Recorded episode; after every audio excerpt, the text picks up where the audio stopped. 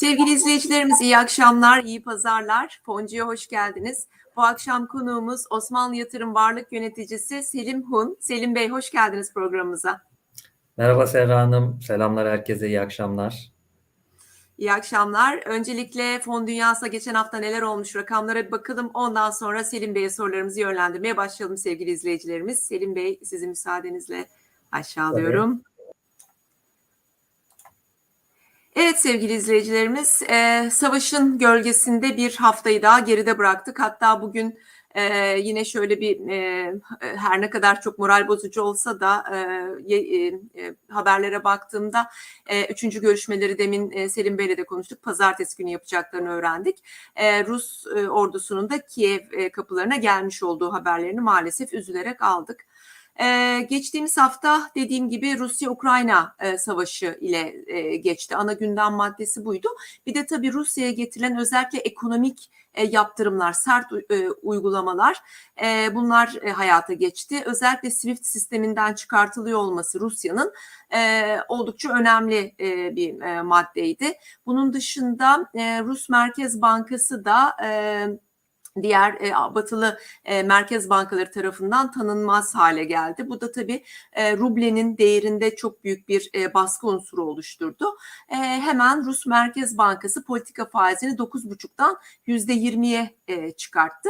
E, bunun dışında pek çok alanda hem e, Avrupa e, Birliği ülkelerinin hem, hem Amerika'nın uyguladığı yaptırımlar e, Rusya'yı e, bu konuda geri adım atmaya e, zorlamak için. Fakat ne yapacak e, Rusya önümüzdeki dön, e, günlerde bunu hep beraber izliyor olacağız.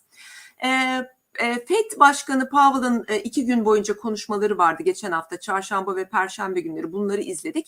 Tabii bundan önce yani Rusya-Ukrayna savaşı daha çok da gündemde değilken birazcık daha işte faizleri arttırmak hatta 0.50 puanlarla başlamaklar konuşulurken bu iki konuşmasında Powell'ın daha güvercin olduğunu biraz daha piyasaları yatıştırıcı işte 0.25 bas puanla başlamak başlamayı değerlendiriyoruz demesi falan piyasalar üzerinde birazcık olumlu etkiler yaptı.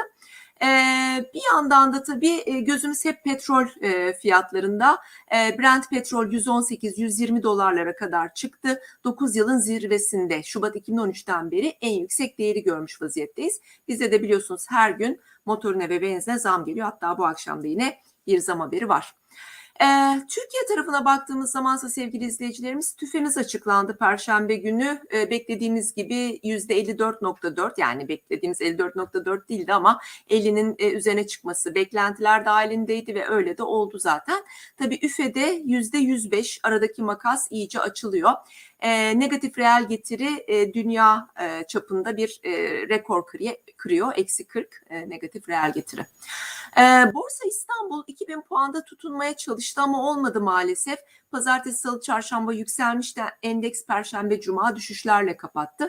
İşlem hacmi hala çok düşük 30 milyar lira civarında günlük olarak baktığımızda. 4 Mart kapanışta BIST 100 1990 puanda dediğim gibi 2000'in altına indi. Brent petrol 118 dolar. E, dolar e, artık 13'lü rakamlar görmüyoruz. 14'ü aştı. 14.20'lerden işlem görüyor. Altın 1974 e, ons dolar. E, ve Bitcoin'de e, gene biraz hafta içi yükselmişti ama tekrar 40 bin doların altına indi sevgili izleyicilerimiz. 39 bin dolardan işlem görüyor. E, Perşembeden Perşembeye baktığımız zaman BIST 100 endeksi %9.3'lük getiriyle en yüksek getiri sağlayan yatırım aracı ama Cuma günkü düş, düşüşle beraber e, %4'e yakın bir artış olduğunu söyleyebiliriz haftalık bazda. Gram altın dolardaki yükselişle beraber 2 %2'lik bir getirisi var. Ee, bir yandan da tabii ons e, dolar değeri de yükseldi altının küresel bazda baktığımızda. E, dolar kuru, euro kuru ve döviz sepetinde de bu hafta minimal düzeyde, euro kurunda yüksek ama e, dolarda minimal düzeyde bir e, azalış görmekteyiz. Fon türlerine baktığımız zaman haftalık ortalama getirilerine sevgili izleyicilerimiz Borsa İstanbul'daki yükselişle beraber e, hisse senedi fonları en yüksek getirilere sahip oldu. Yaklaşık %8'lik yatırımcısına kazandırdı. E, karma fonlar da keza e, %6'ya yakın kazançlar var. Kaybettirenler ise altın fonları, altın katılım fonları ve Eurobond fonları oldu geçen hafta. E, geçen haftanın en çok kazandıran fonları özellikle e, teknoloji ağırlıklı fonlardı. İstanbul e, portföyün yeni kurulmuş olan blockchain teknolojileri karma fonu %16'lık getirisiyle en çok kazandıran fon oldu. E, onu iki e, iş portföy fonu izliyor. Bir tanesi siber güvenlik, bir tanesi de biz teknoloji fon, fonu. E, dördüncü sırada HSBC portföyün hisse senedi fonu var, yerli hisse senedi fonu. Ve e, beşinci sırada da gene iş portföye ait yarı iletken teknolojileri fon. Bu da en yüksek getirili fonlar arasında. Yatırımcı sayısı en çok artan fonlara baktığımız zaman emtiaya olan taleple beraber iş portföyün TGE kodlu fonuna 691 yeni yatırımcı gelmiş. Yapı Kredi portföyün altın fonuna 468 yeni yatırımcı gelmiş. Ve OYAK portföyün kıymetli madenler fon sepeti fonu içinde altın, gümüş, platin, paladyum gibi kıymetli madenler olan ve yeni kurulmuş bir fondu bu. 438 yeni yatırımcımız var burada. En çok nakit girişi olan fonlara baktığımız zaman da burada iki Eurobond fonunu görüyoruz. Birisi Yapı Kredi'ye ait, birisi AK Portföy'e ait. Ve üçüncü sırada da iş portföyün emtia yabancı BF fon sepeti fonu en çok nakit girişi alan fonlar olmuş sevgili izleyicilerimiz. Son olarak da geçen hafta izahnamesi onaylanan fonlara bakalım. Ee, burada e, garanti portföyün Metaverse e, ve yeni teknolojiler değişken fonu geçen hafta izahnamesi onaylanan fon. İş portföy taşımacılık değişken fonu çıkarttı. Onun da izahnamesi onaylanmış. Strateji portföy agresif değişken fon için izin almış ve yapı kredi portföy bankacılık sektör hisse senedi serbest fonu için izin almış. Bunun dışında QNB Finans portföyün Deniz portföyün, Azimut'un, Filip portföyün, İş portföyün ve Deniz portföyün yine serbest fonları, serbest özel fonları e, izin alan fonlar arasında. E, bir de sevgili izleyicilerimiz dönüşen fonlar var. E, bu başlık hatalı olmuş ama e, izahnamesi onaylanan değil dönüşen fonlar. Bunlardan ilki Ata portföyün birinci hisse senedi fonu e, Ata portföy kar payı ödeyen hisse senedi fonuna dönüştü. Strateji portföy Forest serbest fonda strateji portföy Forest hisse senedi serbest fonuna dönüşen fon olmuş sevgili izleyicilerimiz. Evet fonlardan geçtiğimiz haftanın haberleri böyle. Ben şimdi hemen e, Selim Bey'i e, sahneye alıyorum ve e, sorularımızla beraber e, kendisine bu hafta neler olmuş, önümüzdeki dönem neler olacak bunlarla ilgili görüşlerini sormak isterim. Ee, şimdi hemen ilk sorumuzla başlayayım ben. Ee, İshak Levent Özbeyoğlu. İyi akşamlar İshak Bey. Ortalık bu kadar kötüyken diyor İshak Bey, e, acaba yatırımcılar varlıklarını korumakta e, Eurobondlara geçmeleri mantık, mantıklı mıdır? Yani yatırımlarımızı korumakta zorlanıyoruz der İshak Bey. Eurobondlar sizce bu konuda mantıklı yatırımlar mıdır? Yani Eurobond fonları değil, Eurobondları anlıyorum ben İshak Bey'in sorusundan. Ee, yani Eurobond almamız için öncelikle tabii bir dolar birikimimizin olması gerekiyor. Dolarla aldığımız bir ürün. Ee, bir faizli e, enstrüman her şeyden önce ve ülkelerin ayrı zamanda da ihraççının risk e, muhtevasını içeriyor.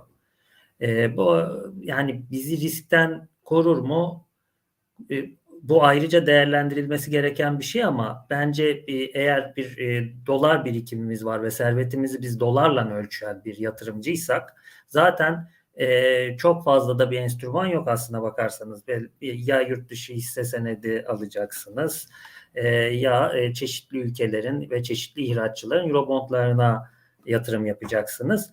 Burada da ben e, tabii e, yoğunlaşma riskine e, özen göstermesini e, salık ver veririm yatırımcılara. Genellikle çünkü e, bütün varlığımızı tek bir ihraççının ihraç ettiği tek bir enstrümana koymak e, takdir ederseniz ki e, büyük bir risk taşır, e, ihtiva eder. Bu açıdan yani parç, parçalayarak, bölerek e, farklı ülke ve farklı ihraççıların çıkarttığı eurobondlar mantıklı olabilir. Eğer birikimimiz bunu çok bölmeye müsait değilse çünkü eurobondların da bir e, alt sınırı olabiliyor e, bazen. Bu durumda da e, dediğim gibi daha güvenilir, kredibilitesi daha yüksek ihraççıların ihraç ettiği e, eurobondlara yatırım yapabiliriz. Bu ne sağlar? Bize do, dolarımıza e, iyi bir faiz almamızı sağlar. Ama bizi kur riskinden korumaz. Yani olası bir e, kurda geri çekilmede e, Eurobond'un çok bir e, koruyuculuğu yoktur aslında. Evet. Tabii e, yani Eurobondlar az evvel söylediğiniz gibi İshak Bey onu da hani e, tekrar belirtelim belki kendisi de biliyordur ama belli bir e, sınırın e, üzerindeki meblağlarla alınabiliyor. Bir de e, hani bir vergi unsuru var burada. Bireysel olarak aldığınız zaman Eurobondları İshak Bey e, bununla ilgili olarak işte senenin sonunda bir beyan e, vergi beyanda bulunmanız gerekiyor. E, işte belli bir e, tutara kadar aslında faizleri e, bildirmenize gerek yok. E, 72 bin liraydı yanlış hatırlamıyorsam. Ama onun üzerine Her geçerse sene de güncelleniyor. Her sene güncelleniyor. Evet, evet bu sene ne oldu ben de hani e, bakmadım ama geçen sene 72 bin liraydı yanlış hatırlamıyorsam.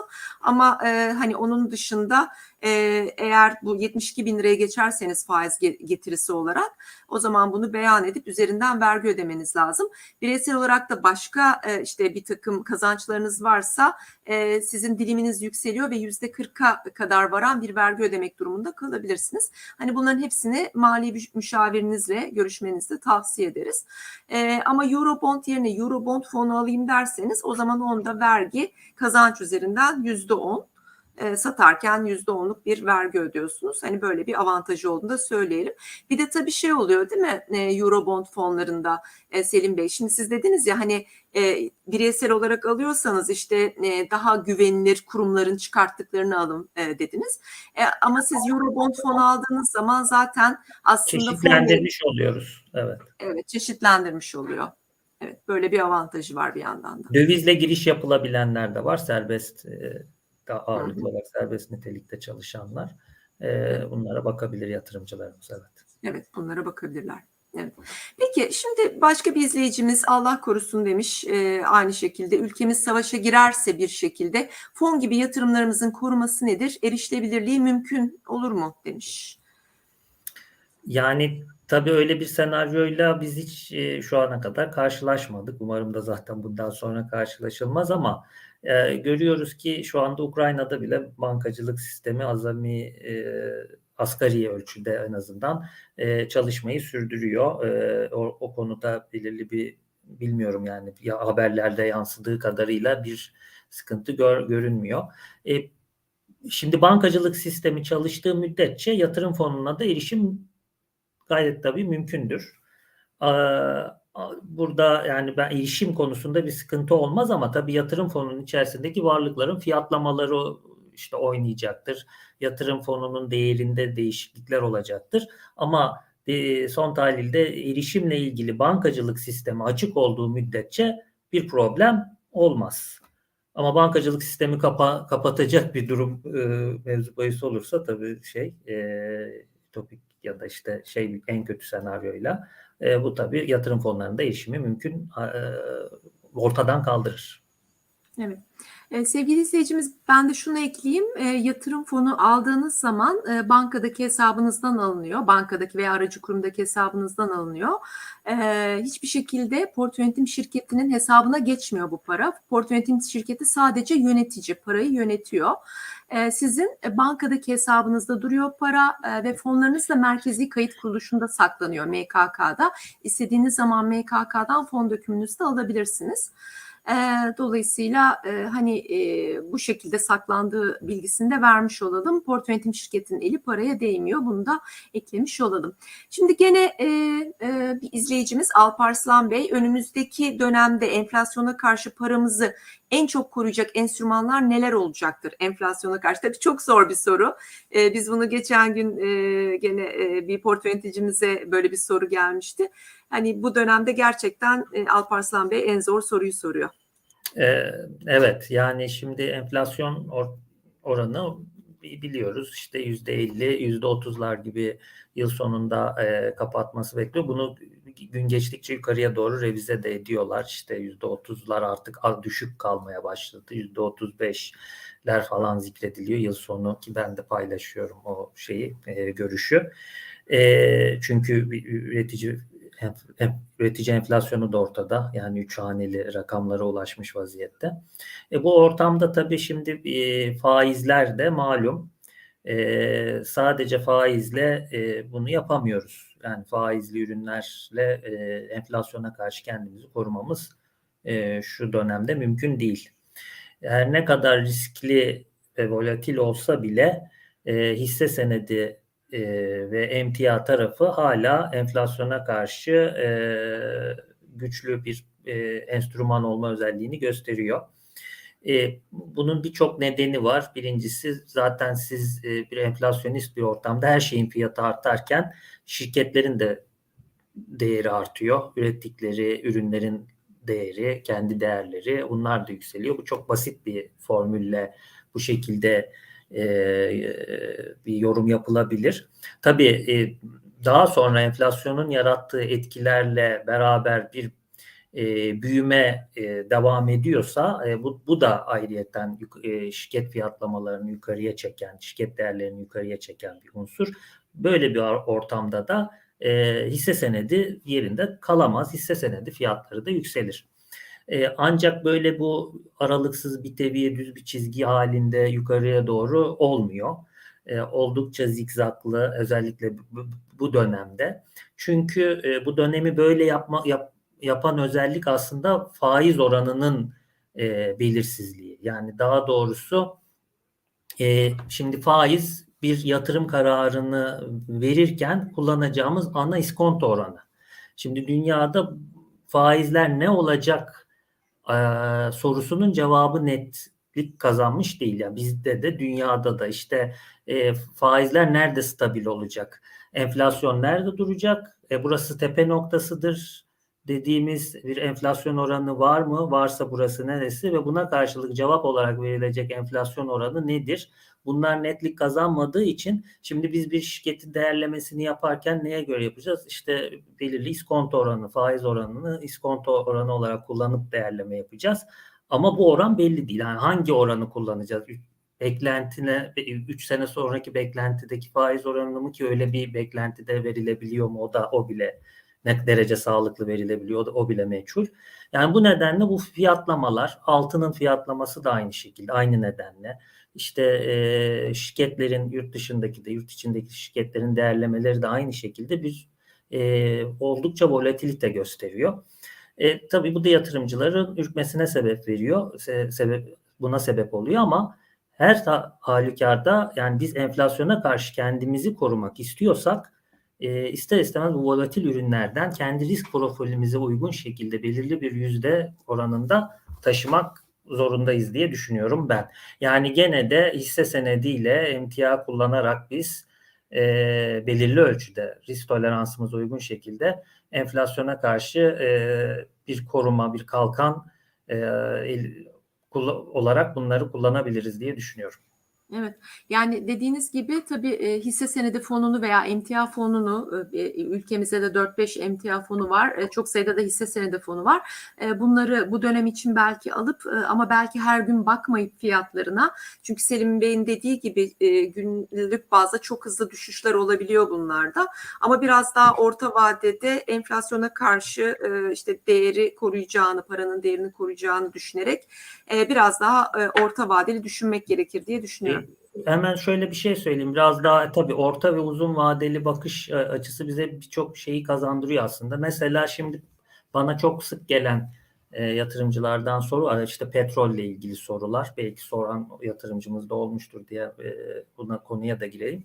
E, şimdi petrol fonu evet yani bu ortamda belli ki bir, bir yükseliş trendi içerisinde.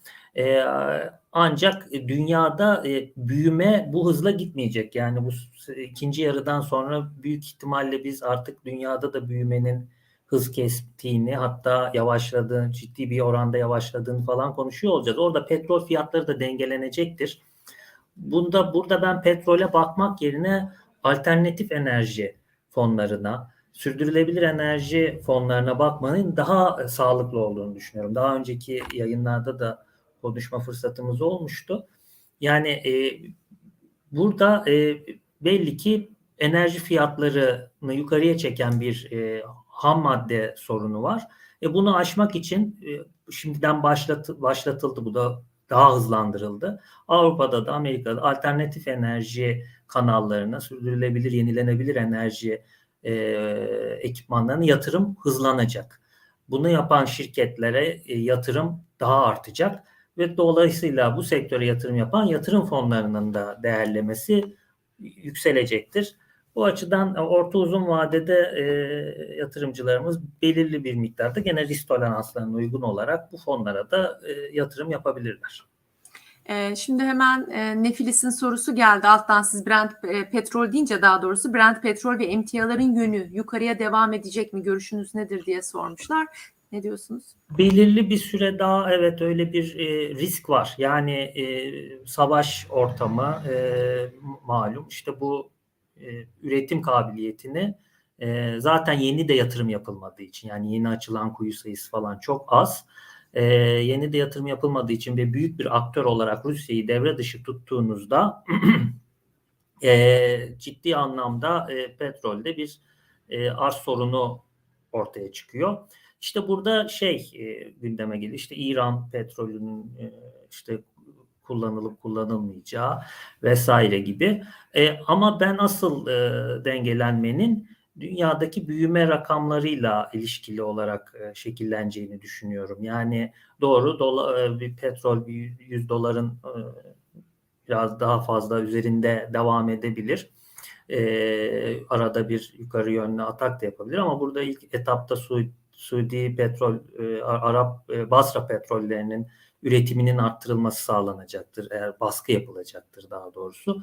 Akabinde e, iki kötüden biri diye şey diyebiliriz. Yani İran'ın petrolünün devreye girmesinin önü açılabilir. Bu tarz konular gündeme geldikçe bu petrolü biraz fiyatını baskılayacaktır ama as, asıl e, unsur dünyada büyüme zaten hani çok çok parlak görünmüyor. Yani öyle gümbür gümbür büyüme olmayacak. Yani böyle bir büyüme rakamlarının da e, sınırlayıcı etkisiyle petrol fiyatları da e, belirli bir stabiliteye gelecektir diye düşünüyorum. Ben petrol yerine ben olsam alternatif enerji kan, e, fonlarını sürdürülebilir, yenilenebilir enerji fonlarını tercih ederim. Şimdi arkada izleyicilerimizin çok sorduğu bir konu e, Selim Bey, e, enflasyon endeksi tahvillermiş. E, ben de tam soruların hepsini okuyamıyorum tabii çok akıyor buradan ama öyle bir bilgi aldım. Alparslan Türk de diyor ki özel sektör tahvilleri ve bonoları, bonoları enflasyon yükseldiğinde faizleri artar mı? Enflasyon endeksi tahvil alınabilir mi? Bir de enflasyon endeksli tahvil tutan fon e, soruyorlar izleyicilerimiz. Böyle bir e, fon var mı?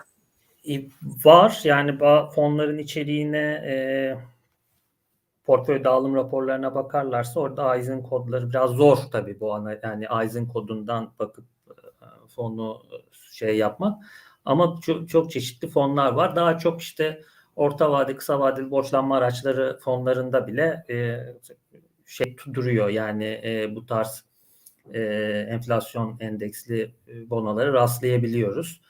E, alınabilir mi? Kesinlikle tabii ki alınabilir. Faizi artar mı? Evet. Yani bu değişken kuponludur. Zaten enflasyon oranına göre e, şekil alır. Ama tabii e, şimdi siz şu anda almak isterseniz daha önce ihraç edilmiş bir enflasyona endeksli tahvil fiyatı da muhtemelen yüksek olacaktır. Yani oradaki getirinin aldığınız fiyata göre tekrar e, hesaplanması, hesaplamanız gerekir. Orada hala yer var mı? Bir, bir miktar daha var. Yani enflasyon e, belli ki biraz daha e, yani ta, tepeyi görmesi Mayıs, e, Haziran ayı gibi olacak bence. Orada o yüzden enflasyon endeksi tahvillerde hala biraz yer var. Bunu taşıyan fonlar da var. Ama tabii fonların belirli kur, kuralları var. Yani zaten oraya yatırım yapabilecekleri rakamlar e, sınırlı. Hani e, belirli ölçüde hazineyi biraz daha tabii daha rahat ama nakit akışını da daha iyi dengeleyebilmesi için çeşitlendirme yapması lazım fonların. Orada kim ne kadar hangi ağırlıkta taşıyor portföy dağılım raporlarından e, bakabilir yatırımcılarımız. Şimdi burada tek tek fon adı Evet. vermek uygun olmaz. Söyleyeyim. Doğru. E, fon adı vermeyelim e, ama sizin özel sektör tahvil fonunuzla ilgili çokça soru var. OSD ile ilgili Evet. Osmanlı portföyün. Onlardan e, birisini sorayım. Noyan Özkaya e, diyor Hı ki mevduata iyi bir alternatif sabit getiri olarak görerek ve sıfır, sıfır stopaj avantajını da göz önünde tutarak alıyorum OSD'yi diyor. Selim Bey'e göre de OSD mevduata göre iyi bir sabit getiri alternatifi mi, alternatifi midir diye sormuş. Kesinlikle öyledir. Yani düz bir mevduat ürününe göre e, gerçekten e, yani geçmiş dönemdeki performansına da bakarak e, söyleyebiliriz ki evet zaten hedefi de mevduat üstünde e, getiri sağlamaktır. Bir de stopaj avantajı da e, bunun şeyi e, çok önemli bir artısı bence. E, tüm bu bunlar ışığında tabii e, genel bir yanıt olarak yatırımcı evet yani mevduatın üstünde bir getiri sağlar. Ama sadece tabii yapılandırılmış mevduat ürünleri var. Yani orada işte e, son kur korumalı mevduat gibi o ürünler e, daha farklı ürünler olduğu için onun için bir şey diyemem ama düz bir mevduat ürününün oldukça üstünde e, kalma hedefiyle kurulmuş bir fondur. Geçmiş performansı da bunu çoğu dönem sağladığını gösteriyor. Evet, e, Metin Bey de gene Metin Al e, OSD ile ilgili fonun içinde hisse senedi olmasının nedenini sormuş e, Selim Bey. Bir de gene Mihrali Bey OSD fonunu takip ediyorum diyor. Fon %30 civarında hisse senedi bulunduruyor ama bu ortamda hisse hareketlerinden çok etkileniyor. Borçlanma araçları da barındırmasına rağmen. E, bunu- OPB'yi mi sormuş acaba? OSD yine. OSD demişler %30. OSD'de şöyle bir şey var. OSD'de görünen hisse hisse swap'ı. Yani orada e, spotta hisseyi alıyor, e, vadeli de satıyor. Yani alış ve satış fiyatı belli belli. Aradaki makas da direkt faiz geliri gibi bir gelir oluyor. Yani orada hisse riski almıyor fon. OSD için konuşuyorum. Yani or- oradaki şey yani alım ve satım. Ee, hisseyi spotta alıyorsunuz, vadeli de satıyorsunuz. Aldığınız fiyat var, sattığınız fiyat belli. Belirli bir vadedeki şey. Ee, o vade sonunda e, vadeli taraftaki kontratın vade bitiminde e, nakde dönüyor ve bu şekilde bir faiz geliri, faiz benzeri bir gelir el yaratılmış oluyor. Evet. Ee, peki e, bir e, soru Yücel Bey'den Yücel Ferek iyi akşamlar artık yatırım öyle bir iş ki diyor enflasyon %55 olmuş onu geride bırakacak portföy dağılımı yapmak gerçekten zor haklısınız. Emtia altın yerli hisse senedi fonlarında potansiyel görür mü Selim Bey demiş. Emtia altın yerli hisse. E, tabii yani e, çünkü şey şöyle bir durum var. e, şimdi emtia tarafı tabii ayrı disiplinler bunlar. Emtia ve altın bunlar farklı çalışıyor hisse senedinden. E, ortak hareket ettikleri bir kere hepsi faize bakıyor onu söyleyelim. Yani faiz oranları nedir, enflasyon nedir ona bakıp şekil alıyor. Ama şu var e, belli ki faizler e, böyle gümbür gümbür e, en azından FED tarafında böyle gümbür gümbür arttırılamayacak. Yani orada e, çünkü hele hele şu savaş son tahlilde şu savaşla beraber e, o açıdan ciddi bir tereddüt e, olacaktır Fed'in Fed'de. E, enflasyon e, yavaşlarsa e, böyle gümbür gümbür de bir faiz arttırımı e, yapabileceğini ben açıkçası çok düşünmüyorum ki burada asıl zaten konu faizin arttırılması değil yani 0.25 arttırılmış 0.50 arttırılmış falan bunlar değil asıl konu varlık alımlarının e, geri alımlarının yavaşlatılmasının şiddeti olacaktır ki burada o, o paranın piyasadan çekilmesi çok uzun sürecektir. Bu açıdan yani belirli bir likidite e, en, endişesi oluşmadığını gördüğünde piyasa mevcut enflasyona göre tavır alacaktır. Yani faizi faize bakmayı artık e, azaltıp biraz daha enflasyona göre e, diğer varlıkları e, fiyatlamaya başlayacaktır. Bu açıdan hisse senetleri de emtia sınıfın ürünlerde bu enflasyonun etkisiyle yukarı yönlü potansiyel taşıyacaktır diye düşünüyorum. Evet, e, petrol çok soruluyor e, Selim Bey. Biz demin biraz konuştuk ama biraz daha belki hani detay verebilir miyiz? E, Eyüp Demirçalı E, der ki petrol fonlarını merak ediyorum. E, bir tane petrol fonumuz var aslında hani. Türkiye'yi soruyorsanız eğer. E, e, ama dünyada tabii ki var.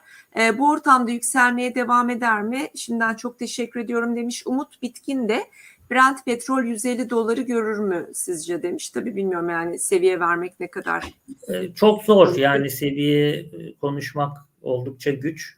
E, dediğim gibi burada e, savaşın ne, ne, ne türden bir seyir izleyeceği önemli. Belli ki NATO ile e, Rusya e, direkt olarak karşı karşıya gelmeyecek bu artık.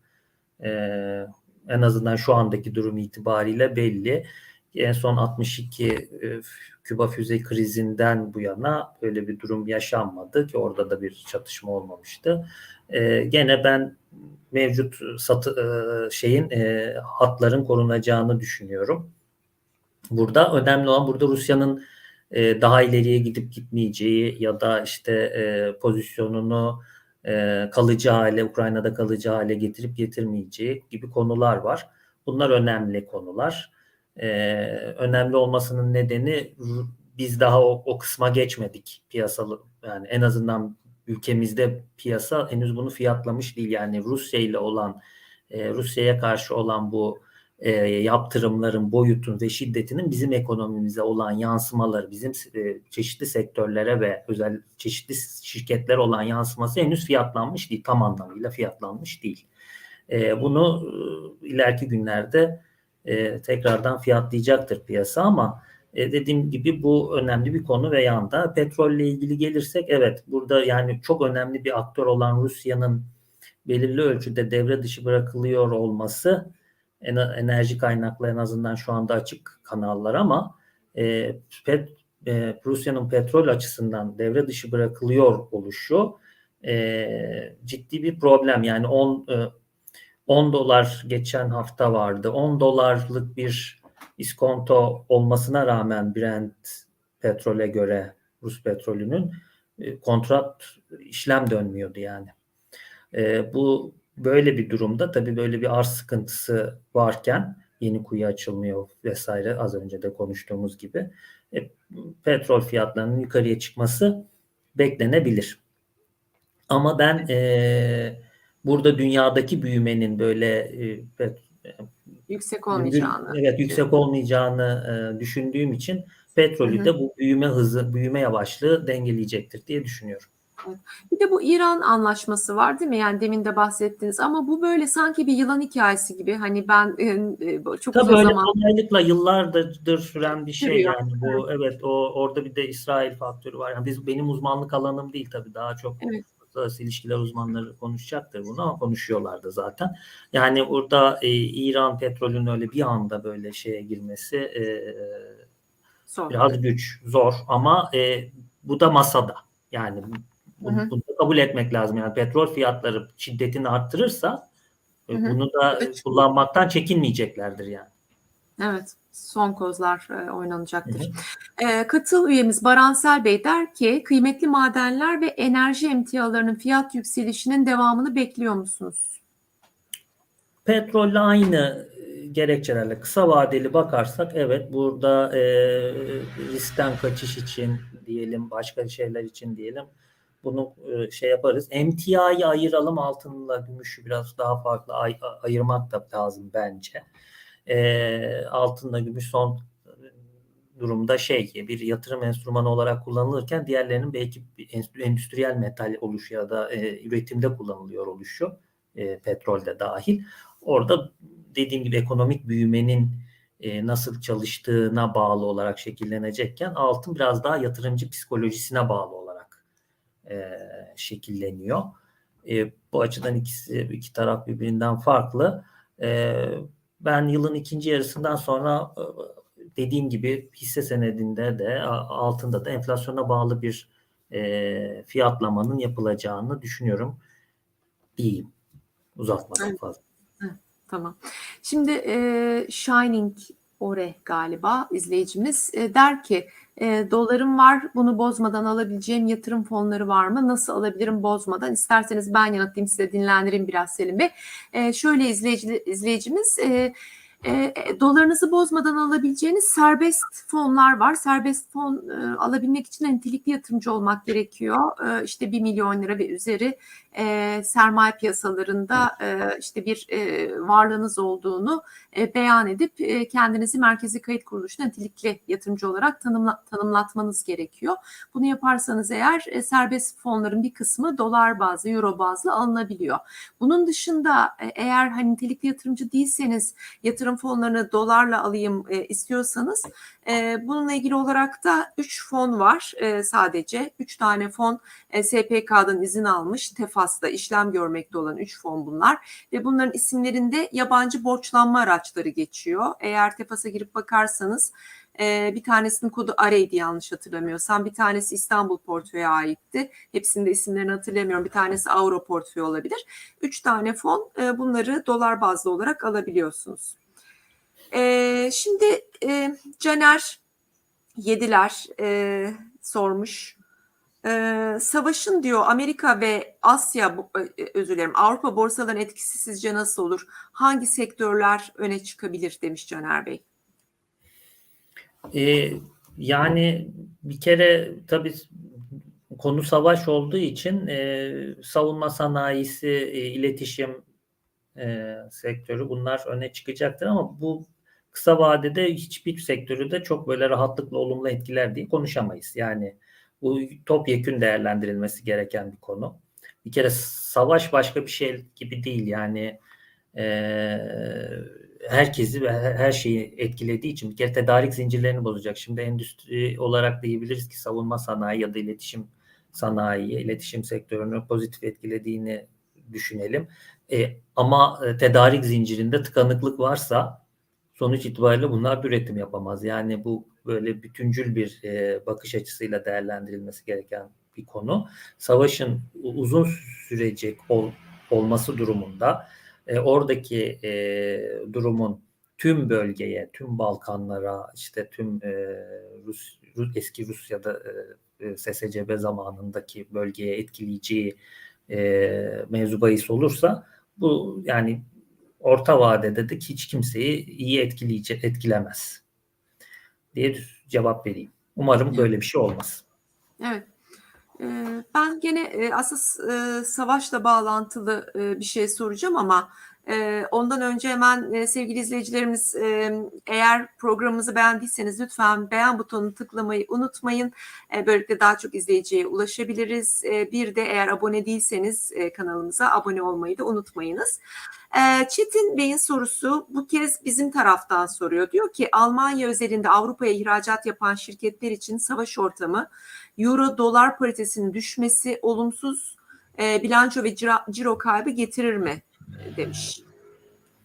Ee, evet şimdi şöyle bir durum var. Biz tabii satışlarımızı euro ağırlıklı olarak euro cinsinden yapıyoruz. Mal e, e, dolar cinsinden sağlıyoruz dışarıdan. E tabi euro dolar paritesindeki bir oynaklık ya da negatif durum ister istemez ihracat gelirlerine bir şekilde yansır ama ben ihracat yapan şirketlerin çoğunun zaten böyle böyle bir e, duruma karşı kendilerini muhafaza ettiklerini düşünüyorum ya da etmeyenler de etmeye başlamalı yani ama bu büyük şirketlerin e, zaten kur riskini yönettiklerini söyleyebiliriz oldukça fazla. E, bunun için bir sürü enstrüman var. Bunları da kullanıyorlardır. Ben o açıdan çok ciddi bir e, şey riski e, şirket par bazında yatacağını zannetmiyorum ama tabii biz euro ile satış yapan ve dolarla e, mal alan bir ülke olduğumuz için bu bizi biraz e, negatif etkileyecektir. E, ama bu da tartışmalı yani bu sürecek mi bu euro dolar paritesindeki şey e, ya da böyle mi olacak? O, o konuda da uzun uzun konuşabiliriz. E, ben tam öyle olacağını düşünmüyorum. E, başka diğer bir soru var mıydı? Yani ciro kaybına Yok. cevapladık. Evet yani evet, ciro kaybı. Evet orada asıl konu yani tedarik zinciri çok önemli bir konu. Bunu pandemi zamanında da gördük. Orada bir aksaklık olmaması önemli. Hı hı. Peki e, Selim Bey e, katıl üyemiz gene e, kolajen, elastin galiba. CDS primlerin arttığı bu dönemde Eurobond fonlarını seçerken nelere dikkat etmeliyiz e, diye sormuş. E, şimdi içindeki e, ürünlerde vade nedir? Vade yapısı nedir? E, buna bakmak lazım. Şimdi vadesi kısa e, Eurobondları taşıyorsa, durasyon oranı daha düşükse e, burada e, CDS'ten etkilenmesi de daha az olacaktır. Yani e, bir ge- getiri vaadi düşse de o fonun yani e, diğerlerine bakarak daha az bir getiri vaat ediyor olsa da çünkü va- daha düşük kısa vadeli Eurobond ağırlıklı olarak taşıyor diye. E, CDS hareketlerinden, CDS'in yarattığı volatiliteden etkilenmesi de azalacaktır. Yani yatırımcılar şayet CDS'lerden dolayı endişe edip e, ya nasıl bir Eurobond fonu alayım diye düşünüyorsa e, ortalama vadesine e, taşıdığı yani fonun ortalama vadesine bakmalı. Taşıdığı Eurobondlar ortalama hangi vadede? Bunu da nereden edinebilir? Yani fon e, e, içeriğinden de bakabilirler. Bunlarla ilgili fon bültenlerini takip edebilirler o kurumların. Orada da zaten e, kurumlar paylaşıyor bunları. Evet. Ee, belki fon yöneticilerine de eğer ulaşabilirlerse Değerlense cevaplıyorlar. tabii, tabii, tabii, yapabilirler. tabii. Dolayısıyla kısa e, vadeli fon e, Eurobond mu tutuyorlar, uzun vadeli mi bunu öğrenmek lazım. E, şey e, üyemizin adını hatırlayamadım. Kolajen Elastin e. E, yani biz mesela e, bir e, Deniz Portföy'ün e, e, Eurobond fon yöneticisini programımızda ağırlamıştık. Birkaç kez ağırladık Serkan Bey'i. O mesela bize DBH'ın e, uzun vadeli e, Eurobondları tuttuğunu söylemişti. Tabii o stratejisi hala sürüyor mu bilmiyorum ama hani benim hatırladığım o diğerlerine de aynı şekilde bakmak lazım. Mesela DBH gibi uzun e, durasyonlu Eurobondları tutanlar sevgili izleyicimiz e, bu faiz e, CDS değişimlerinden, faiz oranındaki değişimlerden daha fazla etkileniyorlar. Daha ha- hızlı inip düşüyorlar, e, çıkıyorlar. O nedenle o süreyi iyi e, bilmek lazım. E, Gökhan ikinci de şey soruyor e, Selim Bey, süper bono çıkarılması meselesi var ya süper bono. Böyle bir Hı. beklentiniz var mı sizin diyor. Bu hisse senedi fonlarını ne kadar etkiler diye sormuş. Ee, şöyle bu asıl e, süper bono mevduatı etkiler. Yani mevduat yatırımcısını bence çekme kabiliyeti daha yüksek diye düşünüyorum ben. Ama şu aşamada henüz e, yani benim öğrendiğim bir şey yok. Hani çıkıp çıkmayacağı ile ilgili bir e, soruya açıkçası çok da iyi başarılı bir cevap verebileceğimi, sağlıklı bir cevap vereceğimi zannetmiyorum. Ama dediğim gibi bunun hisse piyasası, piyasasına etkisi olur mu? Yani ben çok e, olacağını zannetmiyorum. Vade önemli. Yani bono çıkacak, nasıl vadede çıkacak, hangi şartlarda çıkacak. Özellikleri Hepsini, önemli. hepsini görüş, birçok detaya bakmamız lazım ki net bir şey söyleyelim. Evet. E, Cihat Bey'in bir sorusu var. Cihat Çiçek'in yarı iletkenlerin yapımında kart çizme için kullanılan diyor. Neon gazı dünya üretiminin yarısı Ukrayna'da, e, Odessa'da. Fabrika kuşatılmış. E, bu sizce o fonun değerini arttırır mı üretim olmayacağı için düşürür mü diye sormuş. Tabii çok spesifik bir e, soru ama. Yani zor bir soru. Şimdi burada şöyle bir şey var. Ee, şayet e, te- e, dediğim gibi o yarı iletken üreten e, tesislere mal tedariğini sıkıntıya sokacak bir durum yaratıyorsa bu, bu olumsuz etkiler. Çünkü o şirketlerin hisselerini düşürür. Yani e, derler ki biz üretimi durdurduk. Neden? Mal tedariğinde sorun var. E ne olur? Hisse senedinin satış yer. E, o hisse senedini taşıyan ya da o, o, o hisse senedinde o ne de yatırım yapan ETF'leri taşıyan bir yatırım fonu ister istemez negatif etkilenir. Evet. Yani eğer gerçekten büyük bir tedarik sorunu varsa e, bu fonda e, negatif etkilenecektir yani burada. Evet. Ee, Bir e, izleyicimiz e, Ata Yatırım'ın duy- duyurusunu yaptığı temettü ödeyen fonun mantığı nasıl olacak diye sormuş Şehriban Hanım. Şehriban Hanım önümüzdeki hafta Ata Portföy'ün genel müdürü Mehmet Bey e, bu fonu anlatmak için bizimle beraber olacak bu programda. Bu sorunuzu birebir ona soralım isterseniz. Detaylıca anlatacaklar. Daha, ilk değil bu daha önce de ödeyen bir fon var yani Var. şey olarak hı. e, 6 ayda bir olacaktır diye düşünüyorum ya da senede bir yılda bir onu Mehmet Bey zaten söyleyecektir. E, Evet, bildiğiniz temettü ödeyecek. Burada önemli olan vergi avantajı da sağlayacak olması. Temettüde biliyorsunuz vergi alınıyor bireysel yatırımcıdan. Yatırım fonu ödediğinde bu vergi alınmıyor. Böyle bir avantajı da olacaktır. Mehmet Bey bundan bahsedecektir diye düşünüyorum. Evet, evet anlatacaktır. Bir de Azimut'un var GSP'si ona kardeş gelmiş oldu Evet. Evet, e, şimdi sizin e, bir e, Mart ayı önerileriniz vardı. Mart ayı fon önerileri. Adem Güngör der ki e, bu önerilerde İKP tavsiye etti. Diğer yenilenebilir enerji fonları içinde neden İKP'yi seçtiğinizi söyleyebilir misiniz demiş. Yani çok şey vermeyeyim, detayda vermeyeyim de şöyle e, içerik itibariyle e, taşıdıkları ETF ve hisse senetleri itibariyle onu önerdik. Daha önce de ilk e, enerji fonu önerim değil. Daha önce de AK Portföy'ün AOS'inde önermiştik. Ben e, aslında o ikisini de beğeniyorum yani. Öyle diyeyim. Anladım. Peki. E, katıldan yeni bir üyemiz varmış Meryem Mutlu. Diyor ki fonlara yeni girmeyi düşünen bir yatırımcı olarak bu dönemde girmek doğru mudur? Ayrıca Türk hisse senetleri ve ye- yeni çıkan FUA fonu değerlendirilse doğru yatırım olur mu e, diye sormuş. FUA fonunu ben hatırlayamadım. E, kodundan yani türünü hatırlayamadım Yani. ama bakarız. E, ama Türk Evet. hisse senetleri isterseniz başlayabiliriz. Bir de bu dönemde uygun mudur diye sorar Meryem Hanım.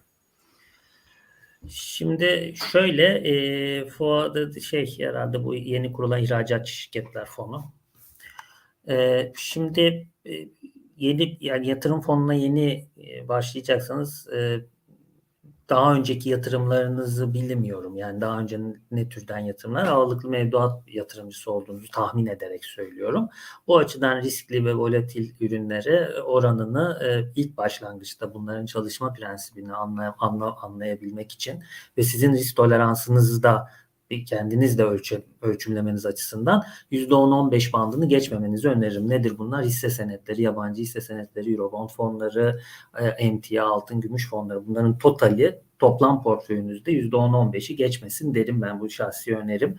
E, çünkü yani daha önce bu tarz bir yatırım yapmadıysanız e, bunlardaki dalgalanmanın, buradaki volatiliteyi bir görmenizi öneririm. Ondan sonra e, yatırımınız. Ben risk alabilirim işte e, dedikten sonra o noktadan sonra bunları arttırabilirsiniz. Bu açıdan hisse senedi fonlarında konuşmuştuk ya ben hisse senedi fonlarında beklentim benim pozitif.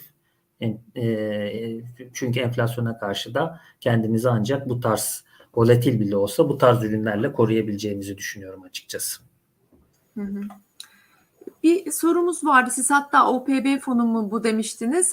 Mihrali Bey evet ben sorumu OPB için sormuştum demiş. Kusura bakmayın demiş. Ne demek? Estağfurullah. E, fon diyor %30 civarında hisse senedi bulunduruyor ama bu ortamda hisse hareketlerinden çok etkileniyor. Borçlanma araçları da bar- barındırmasına rağmen bunun sebebi nedir diye sormuş OPB için. Şimdi fonun %30'u hisse senedi ama şimdi siz faizli ürünlerden bir birim kazanıyorken e, yani hisse senedinde düşüş olduğunda ya da volatilite olduğunda 3 birim kaybedebiliyorsunuz. Yani oradaki faiz getirisi hisse senedi tarafındaki e, negatifliği tolere edebilecek düzeyde olamayabiliyor. Yani çoğunlukla da öyledir. E, burada bir kere bir e, değişken fon e, ya da işte bir fon sepetinin e, hisse oranı %10'u geçiyorsa e, faizli ürünlerin getirisiyle e, olası bir kaybı bu %10'luk kısmın kısımda yaşanacak olası bir kaybı %10'un üstünde bir kısımda yaşanacak olası bir kaybı tolere etmesi çok zor. Mümkün de değil yani. E, faizin getirisi belli. Hisse senetlerinde düşüş olduğunda nasıl düştüğü ortada. Yani e, o nedenle dediğim gibi risk grubu olarak da 4 ve üzeri bir değişken fon alıyorsanız bilin ki yani burada hisse senetleri e, nedeniyle eğer 4 ise bunun risk grubu e, taşıdığı hisse oranı nedeniyle e, bilin ki yani hisse senedine oldukça korele. Yani burada faizli üründeki getiri ancak hisse senetlerindeki düşüşü sınırlandırır ama negatif yazmaya engel olmaz yani.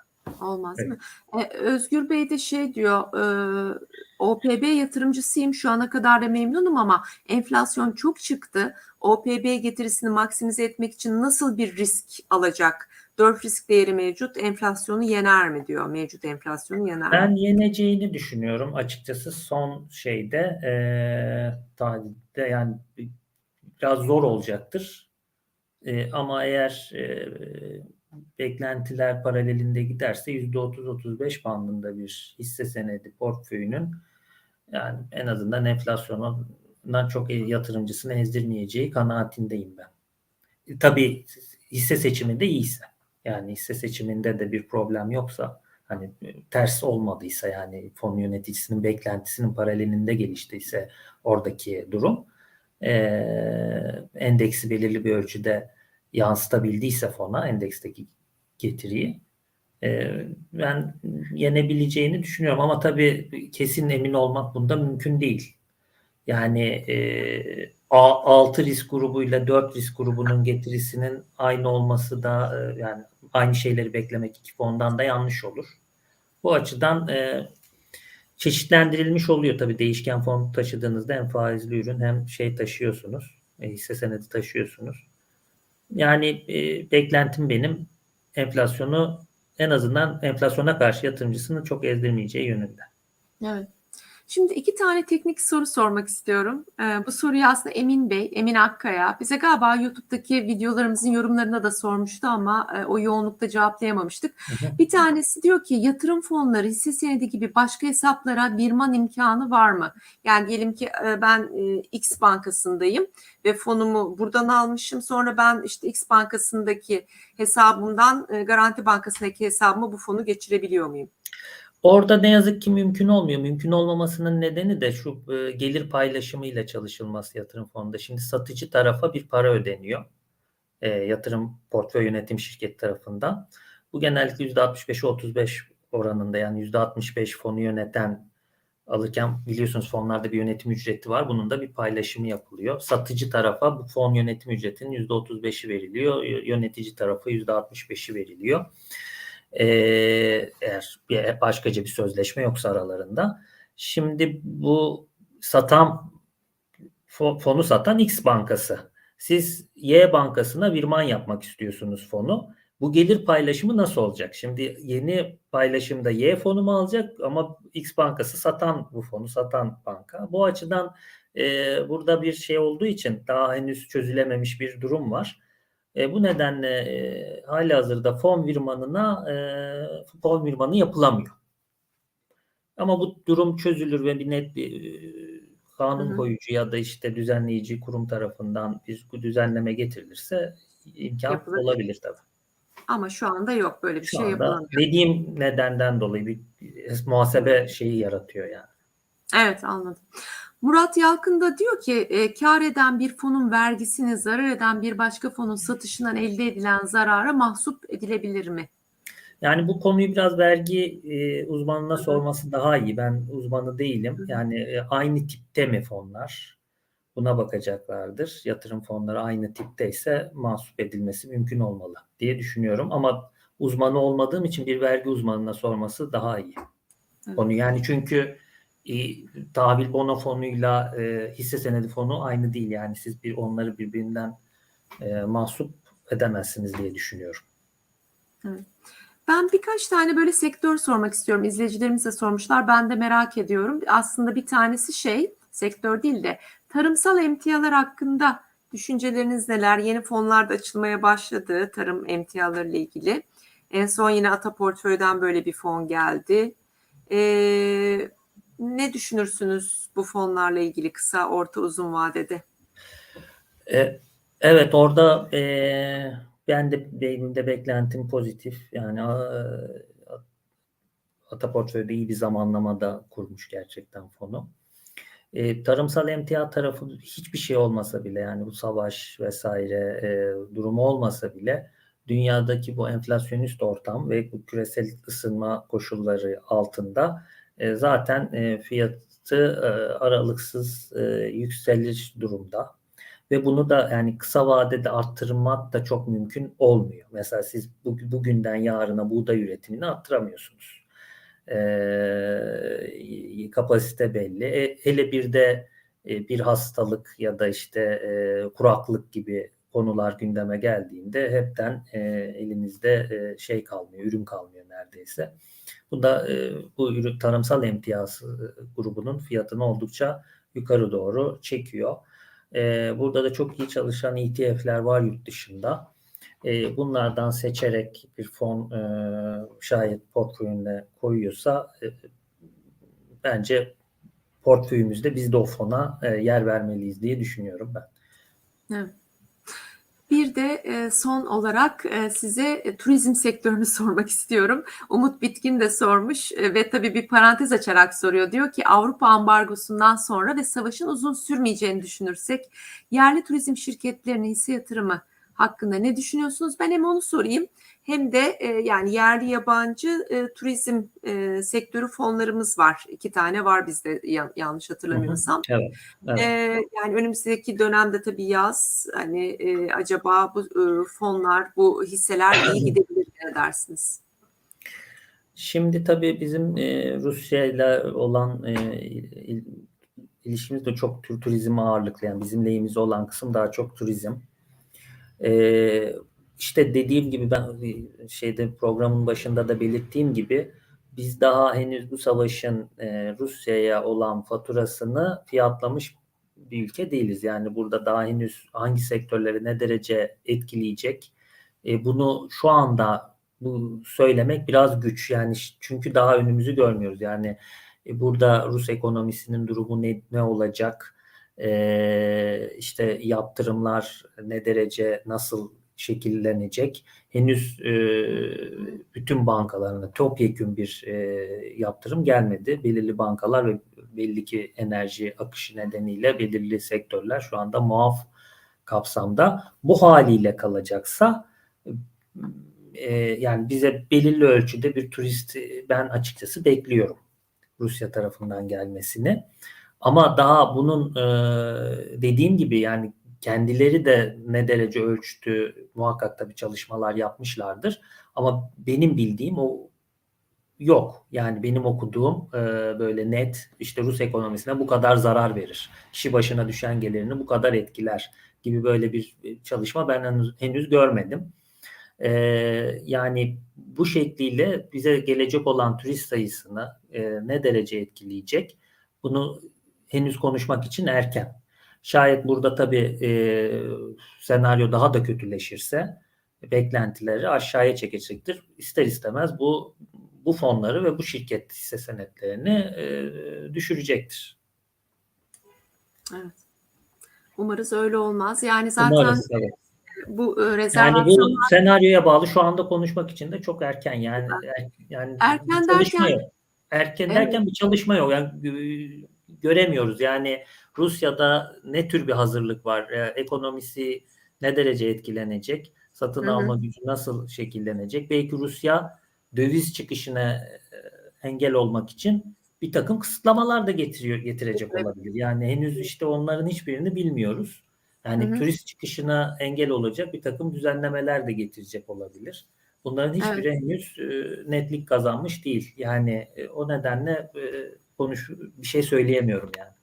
Evet. Peki bu rezervasyonlar e, Mart ve Nisan aylarında değil mi en son Hı-hı. yapılıyor? Yani Mayıs'a falan pek kalmıyor öyle. Yani e, dolayısıyla iki ay içinde son, belli son dakika iptalleri bile olabiliyor bildiğim kadarıyla ama yani şu, şu anda e, Acentalar Birliği'nden gelen şeylerde çok fazla bir sıkıntı görmedim ben. Hani e, şeyde açıklamalarda henüz iptal edilmiş, e, ertelenmiş, rota yaptırılmış bir şey yok yani çok çok büyük ölçüde yok.